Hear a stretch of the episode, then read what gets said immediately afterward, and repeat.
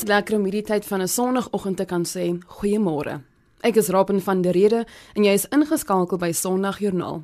Ons gaan soek al die stories oor die rol van geloof in mense se lewe en ons fokus val vandag weer op die verskillende fasette van die lewe waar geloof 'n rol speel. Goeiemôre ook van my Liselde Brein en produksieregisseur Neil Roo. Ons hou jou geselskap vir die volgende 45 minute en ek hoop dat jy inspirasie sal put uit ons gesprekke vanoggend. Ons gesels vanoggend met Dominee Renay Potgieter en Kerlina Magali van die Gamka Kalantjie speelgroep in Beaufort Wes. Pastoor George Thompson van die Bybelgenootskap gesels oor hardloop vir Bybels en Dou Prinsloo, Comrades atleet, deel sy storie met ons. Ons gaan afsluit met Dominee Henry Joubert wat vir ons vertel van hulle werk in Britstown. As jy van plan is om bietjie in te slymer, moenie bekommerd wees nie, want jy kan Sondagjoernaal as 'n potgooi gaan luister op RSG se webwerf by rsg.co.za. En jy kan ook al die programinligting daar kry, sowel as op ons sosiale media bladsy.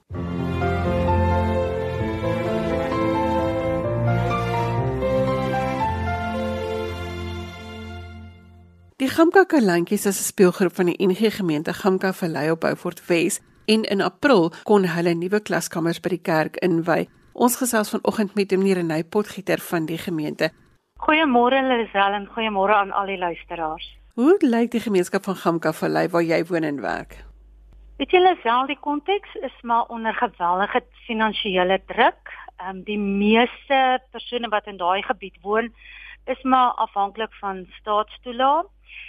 En so groot kopseer op hierdie stadium is maar die werkloosheid en dan nou saam met dit gaan nou die drankmisbruik en al kry die ouers staatstoelae word dit nou maar ongelukkig vir drank gebruik en kom dit nie by die kinders uit vir kos en vir klere nie.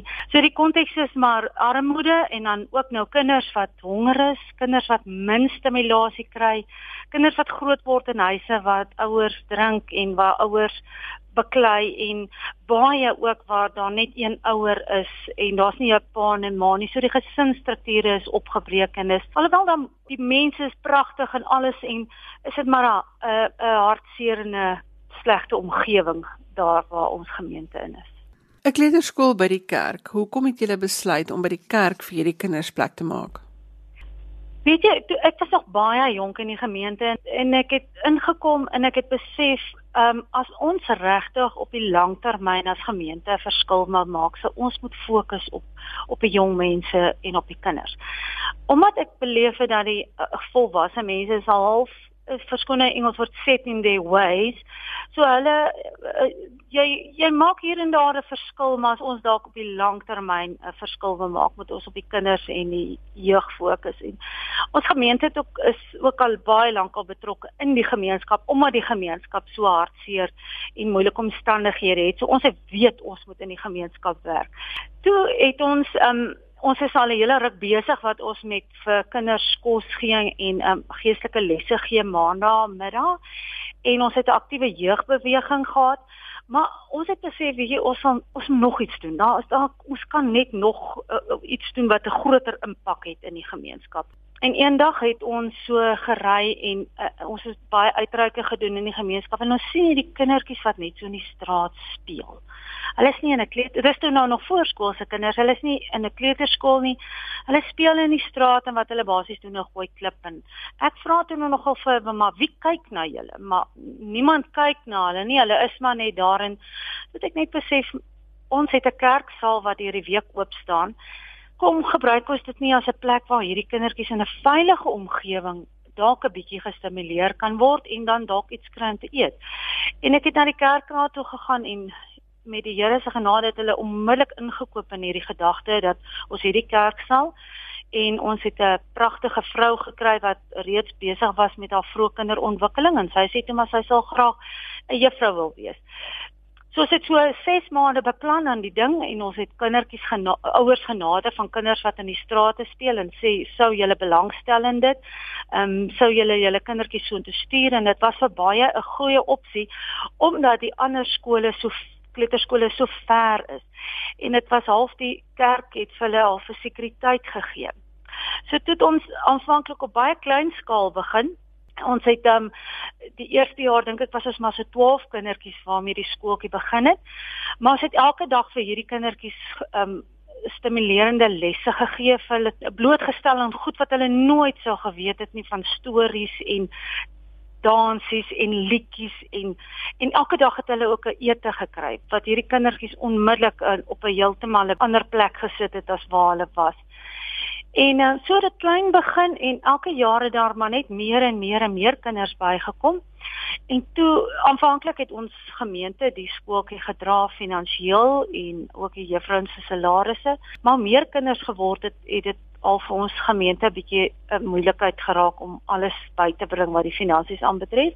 En ons het toe 'n NGO gestig en ook geregistreer en ja, wonderlik, ons kry nou toelaag van die staat af om die skooltjie te kan bedryf en die juffrouens se salarisse te betaal en dan nou elke dag vir die kinders nou 'n groot bord kos te kan gee.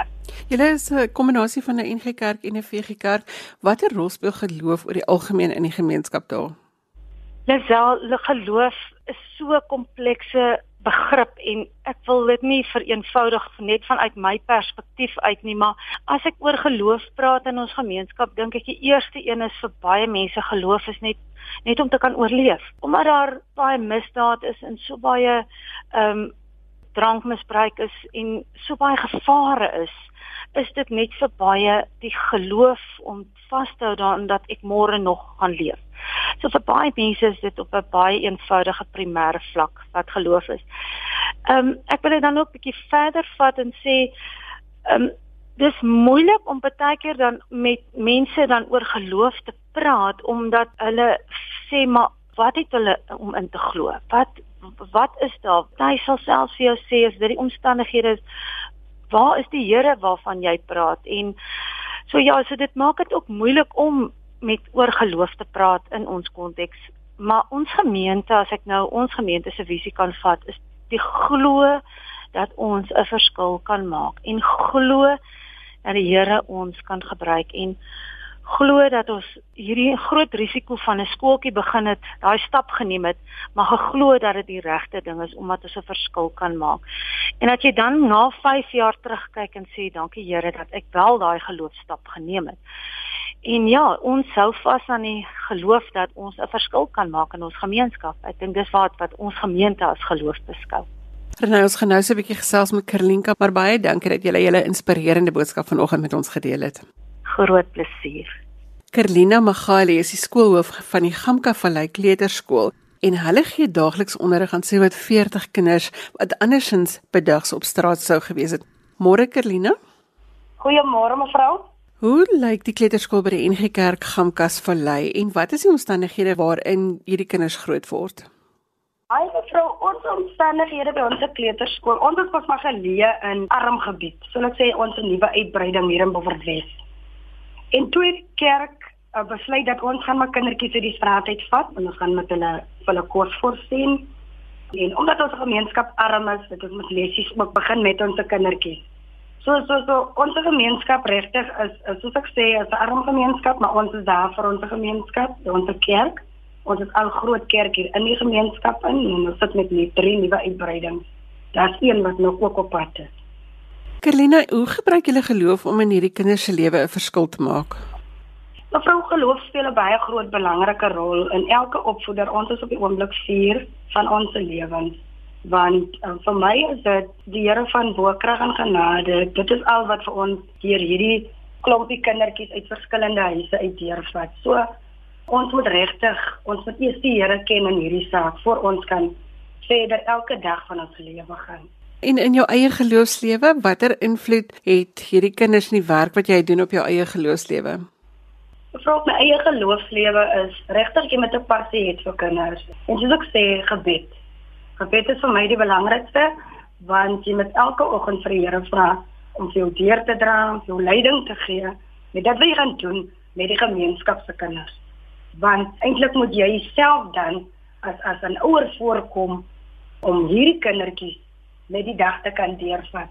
Want jy geloof, jy moet jy moet regtig jy moet die Here vertrou met alles wat jy doen. Is daar ander skole in die omgewing waar die kinders kan skool gaan? Hoekom het ons daar spesifiek 'n skool by die kerk?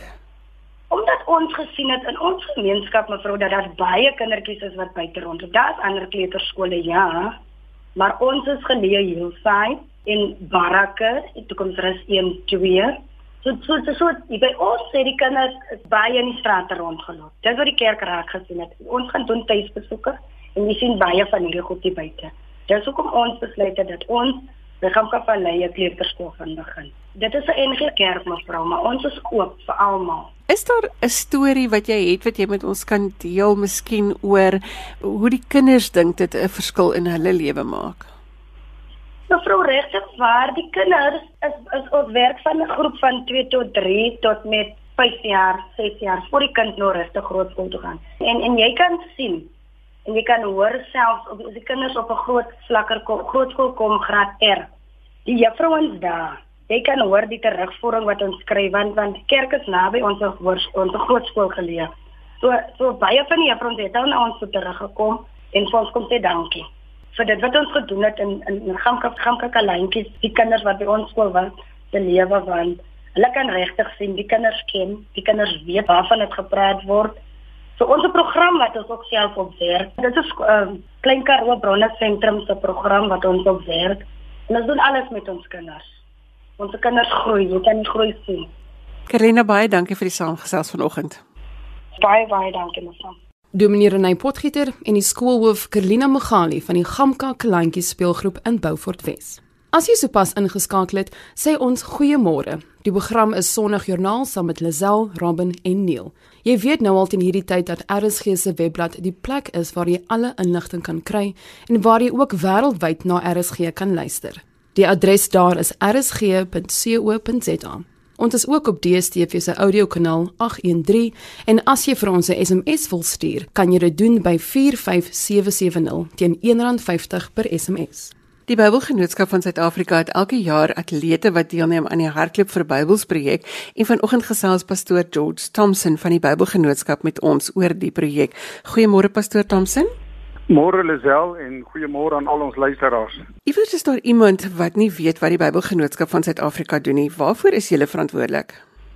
Lisel, skien ek gee so antwoord. Eerstens, die Bybelgenootskap se taak is om bekostigbare Bybels beskikbaar te stel in alle formate in mense se moedertaal sodat almal die lewensgewende boodskap van die woord mag ervaar. Nou, dit bring mee dat die Bybelgenootskap vertalingswerk doen, Bybel publiseer en versprei. Die Bybelgenootskap is aktief betrokke by Bybelwerk in Suid-Afrika sedert 1820. Uh, met ander woorde so 198 jaar.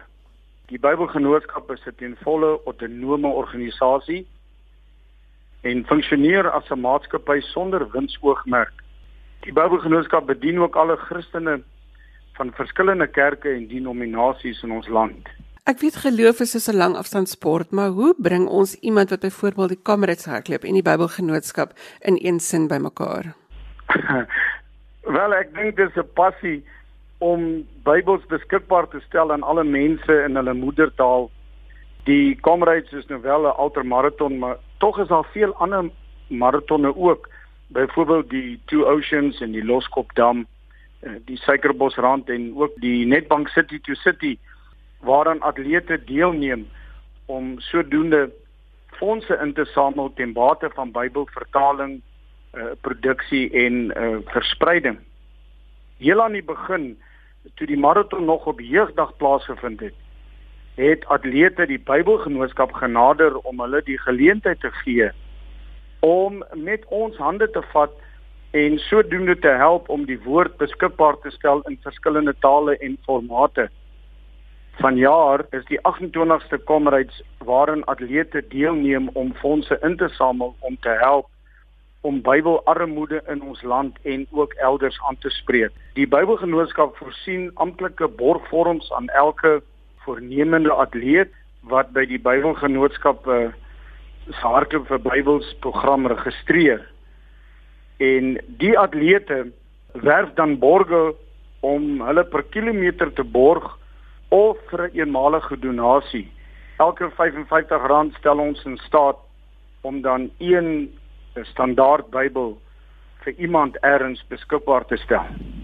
Maar die Bybelgenootskap is by baie meer projekte as net die hardloop projek betrokke. Waar maak julle oral se verskil? Die Bybelgenootskap uh, vorm deel van die Wêreldbond van Bybelgenootskappe wat bestaan uit 148 ander Bybelgenootskappe reg oor die wêreld. En is besig in bykans 200 lande met Bybelwerk. Ons het verlede jaar 10751 volledige Bybels aan Bybelgenootskappe in Afrika ook beskikbaar gestel. Julle maak ook voorsiening vir mense wat hulle sig verloor het.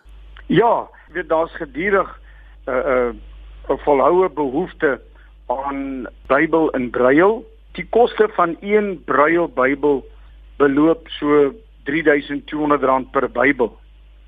'n Gesiggestremde ontvang die Braille Bybel gratis by die Bybelgenootskap.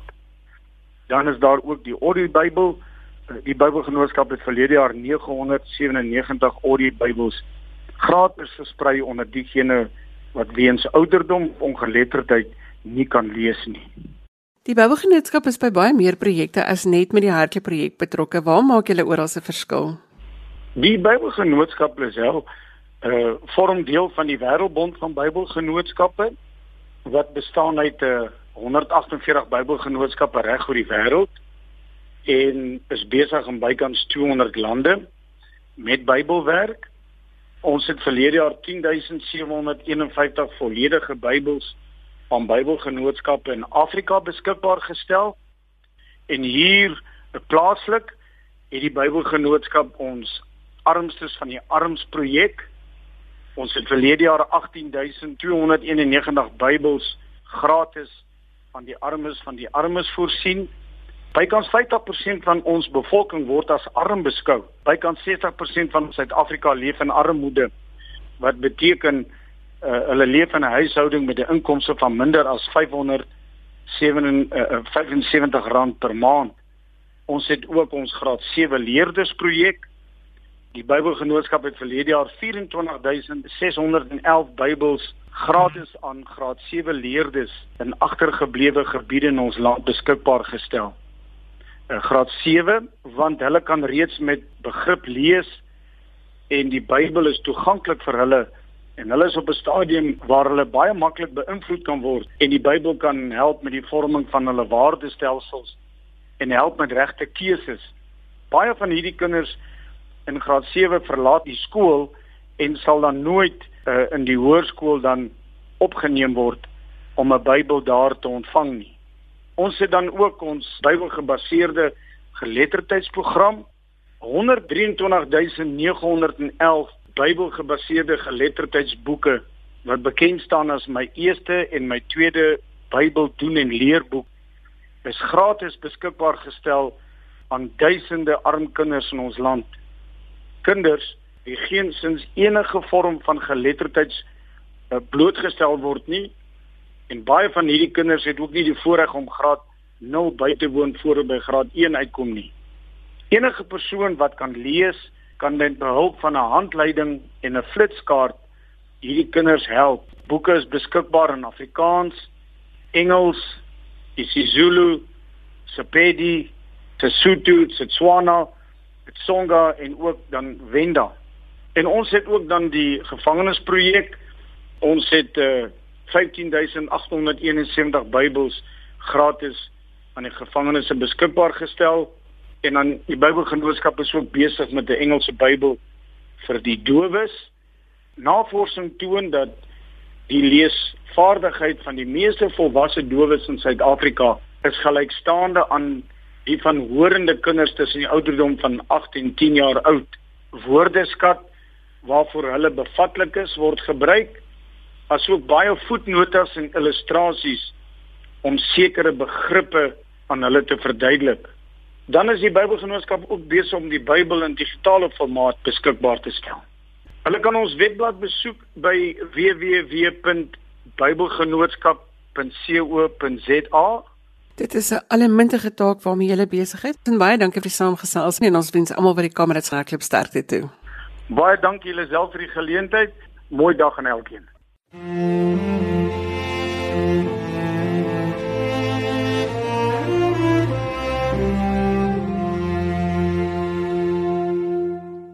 Dankie dat jy ingeskakel is. Ons gesels oor die rol van geloof in mense se lewe hier op Sondagjoernaal. Dit is Junie maand en dit beteken Kamerads Marathon. Een van die atlete wat deelneem is Dou Prinsloo en Dou het 'n baie inspirerende storie wat hy met ons deel.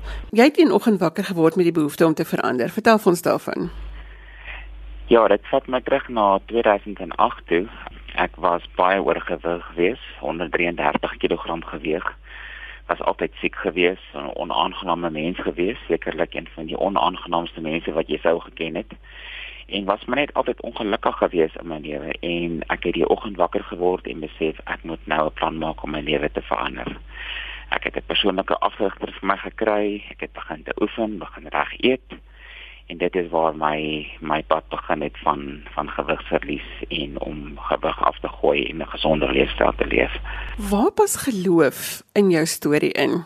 Ek het in 'n gelowige huis groot geword waar beide my ouers altyd gelowiges was. Ons het altyd kerk toe gegaan en al daai dinge gedoen wat 'n gewone gesin normaalweg sou gedoen het.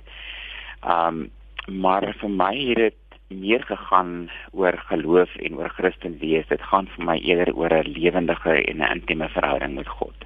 Dit daai persoonlike pad wat 'n mens stap saam met die Here. En vir my het die Bybel regtig ek het dit nodig in my lewe om om om sy wil te ken. En in God se woord is daar ook vir ons riglyne en padtekens en dinge wat ons wys hoe ons 'n doelgerigte lewe kan leef en hoe ons 'n bevredigende lewe kan leef en om sy wil te ken vir ons lewens. Dit is van kardinale belang vir my.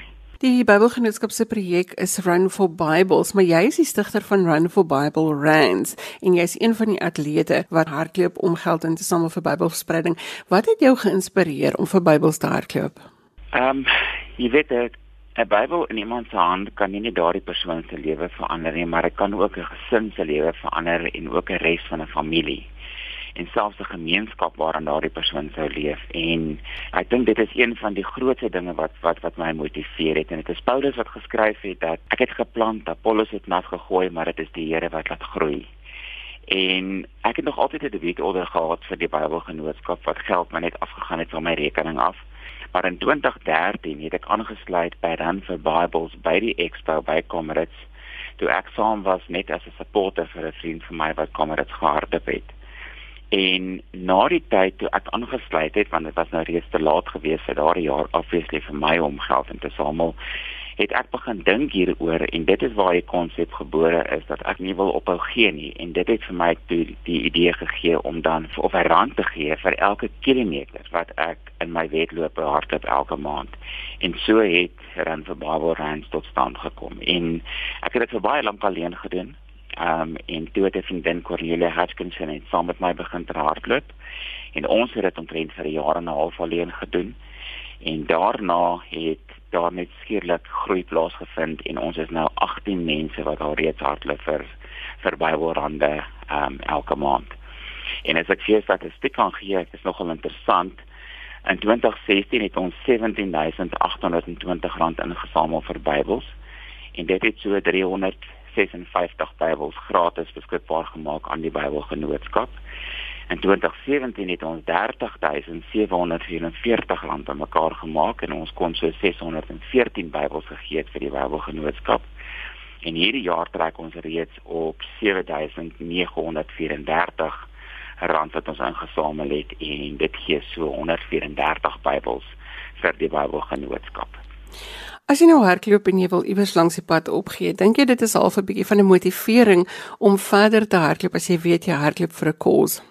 Dit was een van die dinge wat vir my ehm um, nogal aan die begin baie geval het. Is dat wanneer mens ek dink as jy begin as jy iets begin te doen vir vir iets anderste en dit begin ehm um, 'n passie raak in jou lewe dan dien dit definitief as 'n motivering vir wanneer ons op die pad is. En ek onthou my eerste kamerad en jy het geen idee wat vir jou wag nie jy weet dit ver en jy weet dit gaan moeilik wees en jy kyk na die profiel van die wedloop en jy dink hoe gaan ons maak en waar gaan ons hoe gaan ons ooit by die einde uitkom? Want jou lyf het in sy lewe nog nooit so ver gehardloop nie. En dan as jy op die pad kom dan dink ek altyd daaraan dis die wedloop van die lewe en baie keer kom jy op 'n punt waar dit regtig vir jou moeilik is. En ek het geleer om dan daar in te tap in hierdie in hierdie kos en want dan dan weet jy daar het mense vir jou um, ek doen Comrades for Bibles ook so ek doen dit as 'n aparte fondsinsameling maar alles gaan na dieselfde doel toe. En dan dink jy net jy weet ek het mense vir jou geld gegee en jy moet hardloop en jy moet by die einde uitkom en jy moet hierdie droom maak werk. En weet ek begin nader aan die mense en my vriende lag van my. Ek dink dit is baie snaaks dat ek dit vir hulle sê, maar ek dink nie in terme van kilometers nie. Ek dink in terme van Bybels. Ek dink aan elke 59 km wat ek nou hardloop, is daar een Bybel wat in iemand se hand gesit kan word. En dit motiveer jou om harder te oefen en harder te werk en meer wedlope te doen na die aard van die saak, maar dan om by die einde van kameras uit te kom, hierdie ikoniese wedloop wat wat baie bekend staan as the ultimate human race en glo vir my dit is regtig dit. Ek weet nie hoe dit doen nie Lisel, my bene sal dit nooit hou met al daardie kilometers nie. Maar voordat ons groet hoor ons 'n storie van hoop uit Britstown uit. Soms is dit nodig dat jy dinge doen wat jy nie noodwendig wil doen nie. Jou oë moet oop wees om geleenthede raak te sien. Vanoggend deel Dominee Henry Huber van Britstown met ons oor die stukkies goeie nuus wat selfs tussen die rommel te vind is. Môre Lisel, dankie, dis lekker om met jou te kan gesels. Vertel eers vir ons van jou omgewing. Hoe lyk jou gemeente? Jy is by die VGK gemeente in Britstown. Ek is uh, by twee gemeentes op die dorp. Ek bedien beide die NG Kerk en die VGK op die dorp. Nou, um, ek dink die verhaal van Britstown is maar die verhaal van 'n klomp van ons kleiner plattelandse dorpies ons sit uh, nie met ontvolking nie, maar die verlies van van kundigheid en ons sterk finansiële ouens wat wat oor baie jare al na die stede toe geskuif het. So ons sit met baie hoë werkloosheidssyfer. Ons sit met groot sosiale probleme, drankmisbruik, dwelmmisbruik, uh, verwaarlosing van kinders en die werkerskorps raak al hoe kleiner eintlik of die werksgeleenthede raak al hoe kleiner met 'n klomp faktore wat saamspeel wat, wat ouens wat bietjie van die boerdery gemeenskap ken sal sal verstaan. So so hier's 'n redelike groot nood in joh, ek wil amper sê in alle fasette van die van die lewe.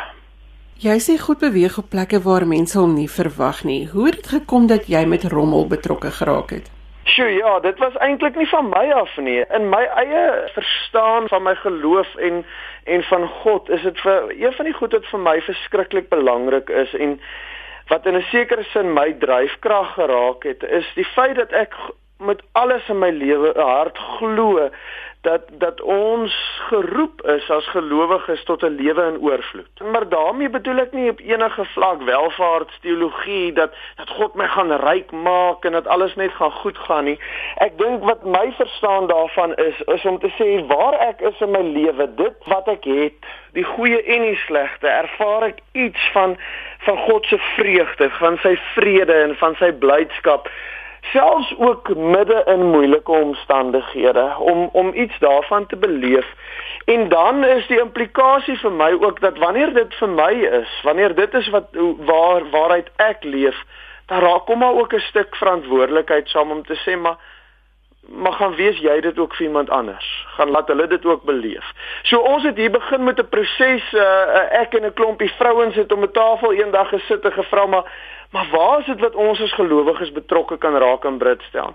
Sjoe, en ons het met 'n klomp idees gekom en toe het een van die van die vrouens Marita raad, toe kom sy met die met die idee en sy sê maar sy het gehoor en ek dink dit is hoekom op RSG wat sy gehoor het van 'n dorp waar daar herwinning ingedoen uh, word. En so het ons ons toe nou weggespring daarmee. 'n uh, klomp lesse geleer, 'n klomp foute gemaak. Ehm um, maar dis waar die waar die rommelprojek gebore uh, geraak het. En hy het deur 'n klomp fases gegaan tot op 'n punt nou waar ons uh, ons omtrent so uh, gemiddeld uh, dit wissel van tyd tot tyd. Ons werk met werklose mense werkskepping. So ons het so 5 mense wat ons voltyds in diens het by die herwinning. En dan sou in totaal so tussen 80 en 90 mense wat wat hulle daaglikse brood op die tafel sit deur die herwinning So dis hoe ons betrokke geraak het om regtig te sê maar Jesus ons wil iets van hierdie oorvloed wat ons in ons geloof en en, en in ons lewe ervaar. Want ons probeer om iets daarvoor ook vir Britstel terug te gee. Dit was nie altyd ewe maklik nie. Jy moes hard werk om die mense betrokke te kry by hierdie skoonmaakprojek. Sjoe, dit is 'n uh, voortdurende probleem. Ek dink is een van ons groot probleme wat ons het is betrokkenheid om ouens te kry om regtig in te koop in dit. En en tot vandag toe van ons mense is regtig ongelooflik passievol oor dit. Is passievol om 'n verskil te maak in ander se lewens. Ander is maar soos wat ons oral skryf, is mos maar huiwerig en staan eenkant en is nie so seker of mense op die regte spoor is nie. So ons probeer regtig hard om vir ons mense te vertel waarmee ons besig is, om hulle opgewonde te maak oor waarmee ons besig is. Maar die wonder vir my is nie eintlik die ouens wat jy sou dink eh, positief gaan wees nie. Mense mense dink al of die meer vermoënde deel van die gemeenskap gaan bly wees en gaan wil, maar dit is vir my baie keer ongelooflik treffend om te sien hoe die ouens wat aanmeld om te kom help, nie om nie om geld te maak nie, nie om brood op die tafel te kry nie, maar wat sê ek wil 'n verskil kom maak. Hoe dit baie keer die ouens is wat jy dink, "Jesus, maar ek sou eerder vir jou graag wou help." as dat jy kom saam help. So dit dis my nogal ongelooflik party daar. Hoe het julle skoonmaak toe die mense van die dorp aangeraak? Werkskepping is soos ek sê is die groot ding. So ons het hierdie groep wat wat regtig nou uh, hulle lewens uh, onderhoud uit uit dit uitmaak. Vir my die wonderlike is en dis 'n ding wat ek regtig oor oor jare al meer en al meer uh, leer. Ons is al agter die groot getalle aan. Ons wil hê die massas moet elke keer opdaag. En dan sien ons net die hartsveranderinge by klein groepie raak wat regtig dinamies betrokke is en en 'n verskil wil maak nie.